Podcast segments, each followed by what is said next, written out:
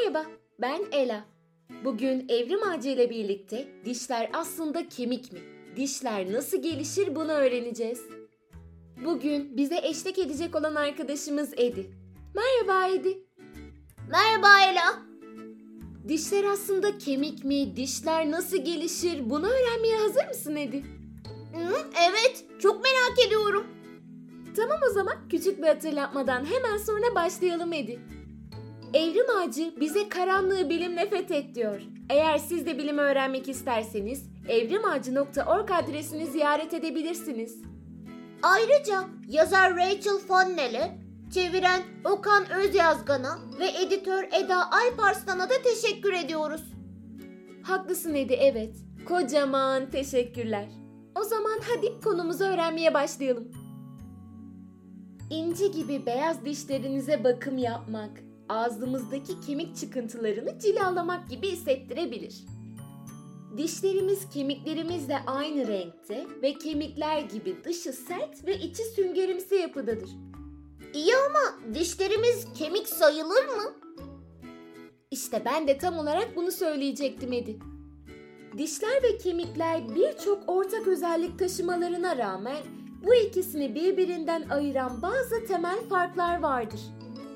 O zaman madem temel farklar var, o zaman dişler kemik olarak geçmiyor. Evet doğru söylüyorsun. Dişler kemik olarak nitelendirilemezler Edi. Hadi gel de şimdi birazcık sana dişlerimizden bahsedeyim.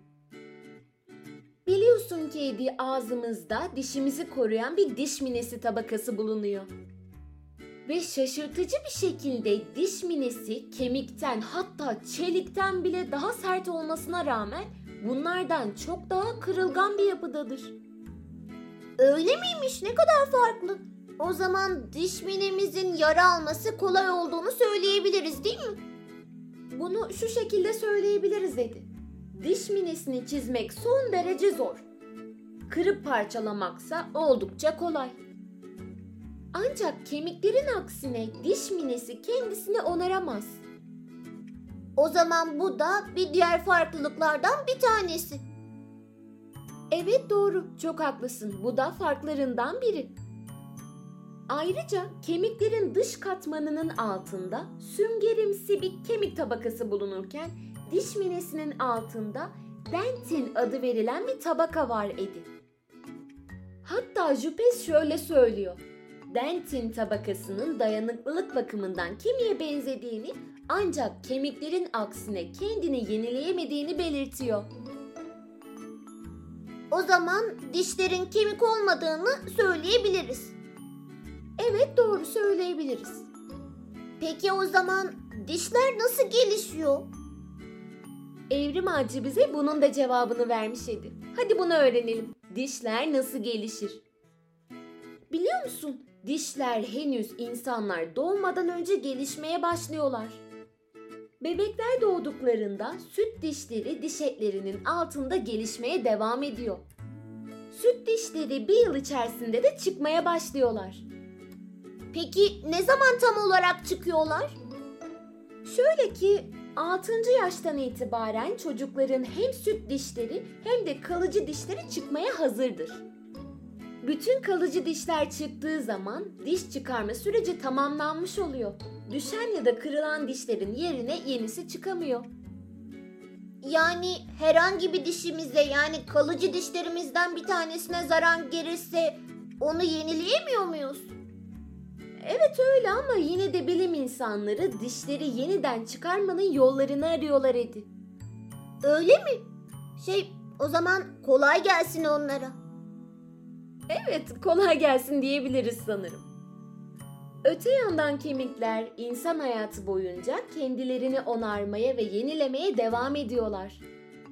Ki böylece çocukların boyunun uzayabilmesi için iç içe geçmiş kemik parçalarından oluşan kemik yapılarına da gerek kalmıyor.